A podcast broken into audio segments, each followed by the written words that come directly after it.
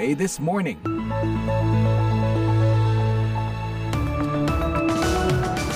Halo, selamat pagi, selamat berjumpa lagi dalam siaran VOA This Morning edisi Jumat.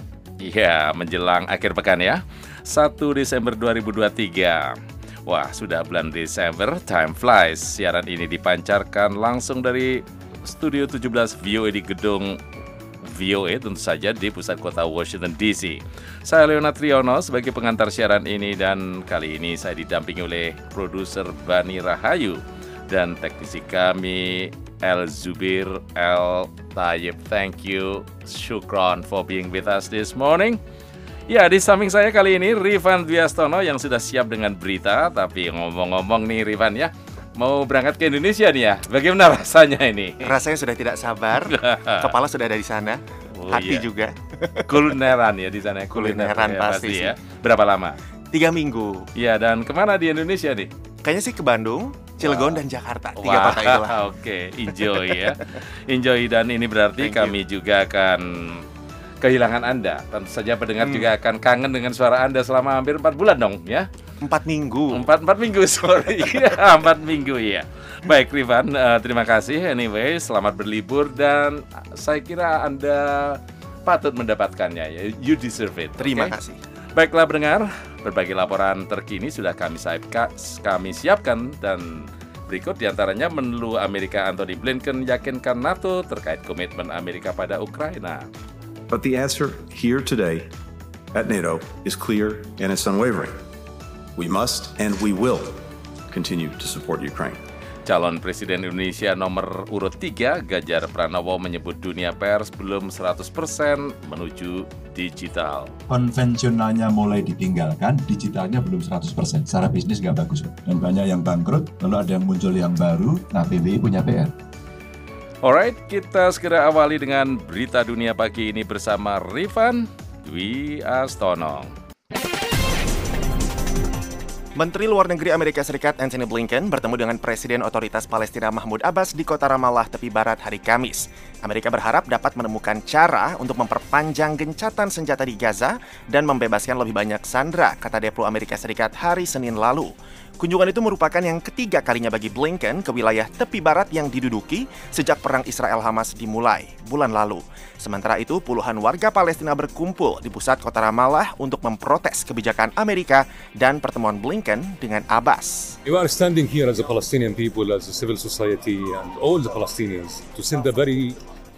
Kami berdiri di sini sebagai rakyat Palestina, sebagai masyarakat sipil dan mewakili seluruh orang Palestina untuk mengirimkan pesan yang sangat kuat kepada Blinken dan juga otoritas Palestina bahwa Blinken tidak diterima di sini di Palestina.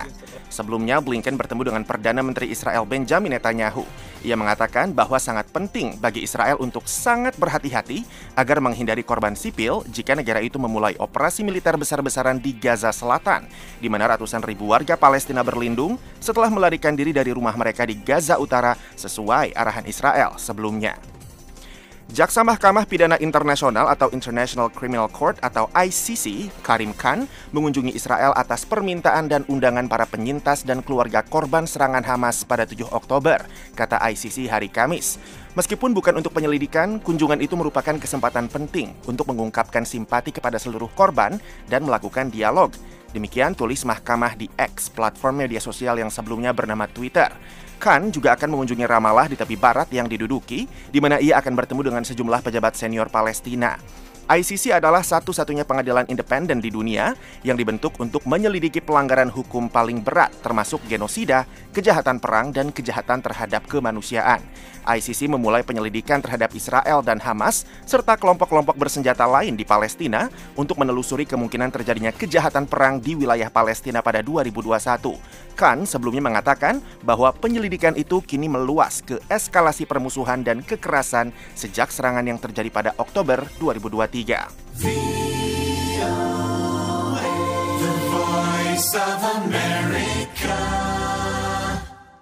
KTT Iklim PBB tahun ini yang disebut COP28 meraih kemenangan awal hari Kamis setelah seluruh delegasi mengadopsi skema pendanaan baru yang akan membantu negara-negara rentan mengatasi dampak bencana yang disebabkan oleh faktor iklim. Kesepakatan itu diadopsi setelah upacara pembukaan COP28 di Dubai menyusul negosiasi yang sudah dilakukan selama berbulan-bulan. Meski demikian, sejumlah kelompok berhati-hati mengingat masih ada isu-isu yang belum dipecahkan, termasuk bagaimana dana itu akan dibiayai ke depannya. Jerman menjanjikan 100 juta dolar, sementara Amerika sebesar 17,5 juta dolar. Harapannya, jumlah total kontribusi seluruh negara cukup besar. Terobosan awal mengenai dana bencana iklim yang sudah dituntut oleh negara-negara miskin selama bertahun-tahun itu dapat membantu mendorong kompromi-kompromi lainnya. Kita beralih ke Rusia. Mahkamah Agung Rusia memutuskan bahwa aktivis LGBTQ harus ditetapkan sebagai ekstremis. Perwakilan kelompok gay dan transgender khawatir keputusan yang diterbitkan pada hari Kamis akan berujung pada penangkapan dan tuntutan hukum terhadap mereka yang berbicara lantang membela komunitasnya. Wartawan Reuters di Mahkamah Agung Rusia mendengar bahwa pengadilan tertinggi itu mengumumkan persetujuannya pada permohonan Kementerian Kehakiman untuk mengakui apa yang mereka sebut gerakan sosial LGBT internasional sebagai ekstremis dan melarang kegiatannya. Aktivis seperti Alexei Sergeyev yang berbicara kepada Reuters pada Sabtu lalu menganggap keputusan itu tak terhindarkan. Ia mengatakan keputusan itu akan melucuti dukungan bagi banyak masyarakat LGBT. Keputusan itu menjadi bagian dari sebuah pola di mana terjadi peningkatan tindakan pembat pembatasan terhadap bentuk ekspresi orientasi seksual dan identitas gender di Rusia. Tindakan yang dimaksud termasuk undang-undang yang melarang promosi hubungan seksual non-tradisional dan larangan melakukan perubahan gender, baik secara hukum maupun medis. Proksi yang didukung Iran melancarkan serangan roket terhadap pasukan Amerika di Timur Tengah, membuat jumlah total serangan terhadap pasukan Amerika dan koalisinya di Iran dan Suriah menjadi 74 sejak 17 Oktober lalu. Seorang pejabat pertahanan Amerika mengatakan kepada VOA bahwa sebuah roket diluncurkan Rabu malam ke posisi dukungan misi Euphrat di Suriah Timur. Tidak ada korban maupun kerusakan. Demikian berita dunia VOA Washington. Pendengar dalam pertemuan para Menteri Luar Negeri NATO di Brussel, Menteri Luar Negeri Amerika Anthony Blinken mencoba meyakinkan para sekutunya terkait dukungan berkesinambungan Amerika terhadap Ukraina ketika Kiev bersiap menghadapi pertempuran musim dingin lagi. Koresponden senior VOA di Departemen Luar Negeri Amerika Cindy Sain melaporkan, disampaikan Nur Hadi Sucahyo. Kementerian Pertahanan Rusia merilis video pada Rabu yang menunjukkan jet tempur dan pasukan artilerinya menembaki sejumlah sasaran di Ukraina. Pasukan Rusia telah meningkatkan serangan ke Ukraina Timur menjelang musim dingin. Di Brussel dalam pertemuan para Menteri Luar Negeri NATO, Menteri Luar Negeri Amerika Serikat Anthony Blinken mengakui bahwa beberapa pihak mempertanyakan apakah Amerika Serikat dan sekutu NATO lainnya harus terus mendukung Ukraina setelah hampir dua tahun invasi besar-besaran Rusia. But the answer here today at NATO is clear and it's unwavering. Tetapi jawabannya di sini hari ini dalam pertemuan NATO sudah jelas dan itu tidak tergoyahkan. Kita harus dan kita akan terus mendukung Ukraina. Blinken berusaha terus meyakinkan sekutu-sekutunya yang khawatir bahwa sejumlah anggota DPR dari Partai Republik di Kongres Amerika Serikat enggan untuk terus memberikan bantuan militer dalam jumlah besar bagi Ukraina. Dia mengatakan Ketua DPR Mike Johnson telah berbicara tentang perlunya mendanai Kiev baru-baru ini yang oleh Blinken disebut sebagai membesarkan hati. Namun seorang analis mengatakan kepada VOA bahwa pendanaan tambahan untuk Ukraina tidak berada di tangan Blinken.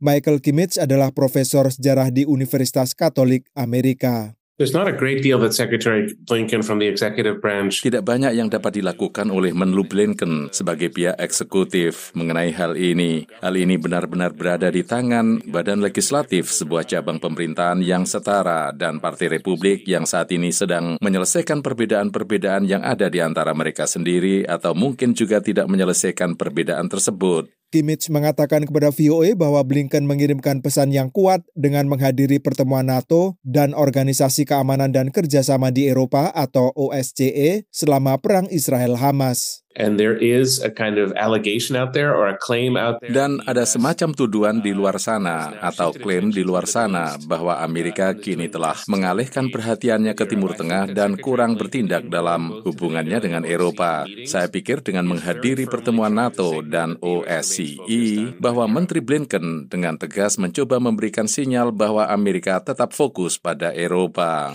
Blinken kembali ke Timur Tengah untuk melakukan pembicaraan pada Kamis dan Jumat yang ketiga kalinya sejak kelompok militan Hamas memicu perang dengan serangannya pada 7 Oktober terhadap Israel. Blinken mengatakan dia akan berupaya untuk memperpanjang gencatan senjata sehingga lebih banyak sandera Israel dapat dibebaskan dan lebih banyak bantuan kemanusiaan dapat dikirimkan kepada warga sipil Palestina di Gaza yang sangat membutuhkannya.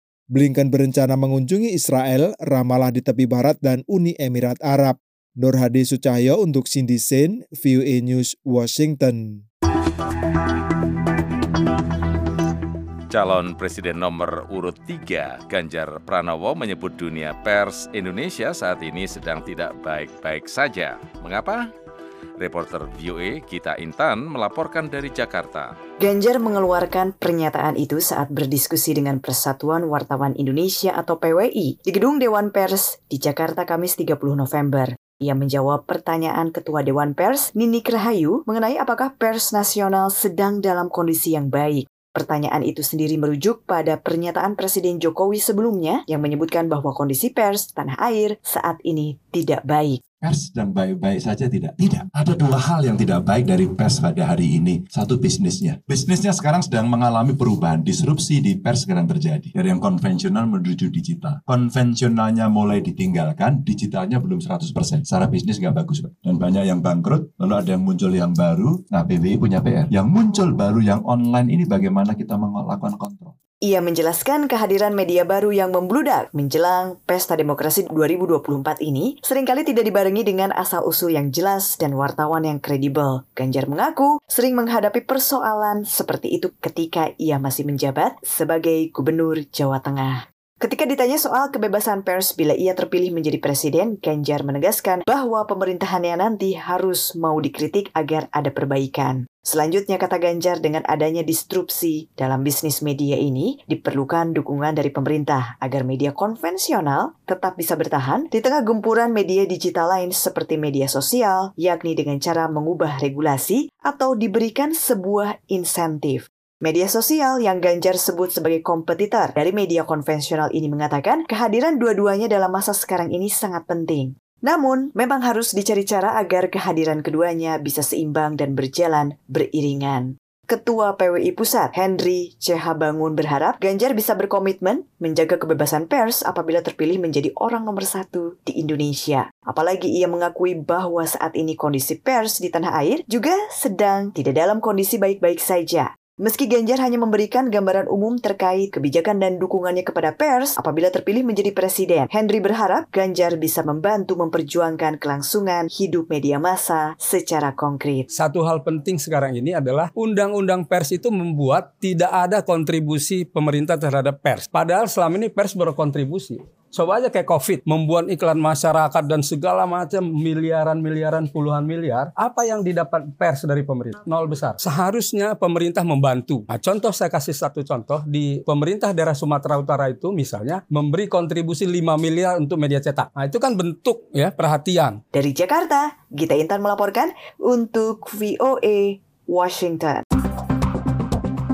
Pendengar Kementerian Kesehatan Republik Indonesia mengimbau masyarakat agar tidak panik menyusul penyebaran undefined pneumonia di Tiongkok.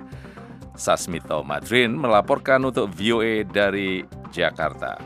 Direktur Pencegahan dan Pengendalian Penyakit Menular Kementerian Kesehatan Imran Pambudi mengatakan, pneumonia atau penyakit radang paru-paru yang merebak di Tiongkok sama dengan pneumonia yang terjadi di masyarakat yakni karena infeksi bakteri. Karena itu ia mengimbau masyarakat untuk tidak panik dalam menyikapi pneumonia di Tiongkok. Namun Imran meminta masyarakat meningkatkan kewaspadaan diri sebagai upaya mitigasi untuk mencegah penularan pneumonia yang sama di Indonesia. Antara lain menyarankan masyarakat untuk mendapatkan vaksin, menjaga jarak yang aman dengan orang sakit, berperilaku hidup sehat, dan berhati-hati sewaktu melakukan perjalanan ke luar negeri. Bagi mereka yang menderita keluhan, ada gangguan, maka kita harapkan mereka malah tinggal di rumah saat sakit. Jadi mereka jangan berkeliaran. Imran menambahkan berdasarkan laporan epidemiologi, kebanyakan kasus pneumonia di Tiongkok disebabkan oleh Mycoplasma pneumonia. Mycoplasma merupakan bakteri penyebab umum infeksi pernapasan sebelum COVID-19. Bakteri ini diketahui memiliki masa inkubasi yang panjang, karena itu menurutnya penyebarannya tidak secepat virus penyebab pandemi COVID-19 dan tingkat fatalitasnya rendah.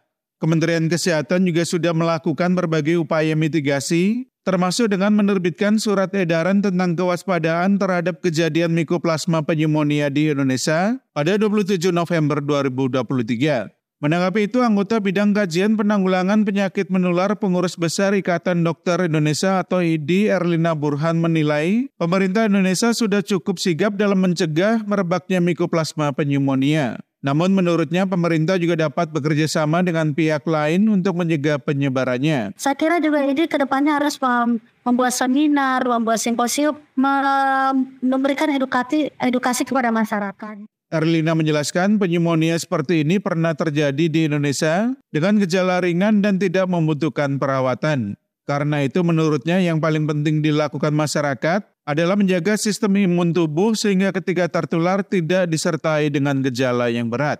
Dari Jakarta, Sesmito Madri melaporkan untuk VOA Washington.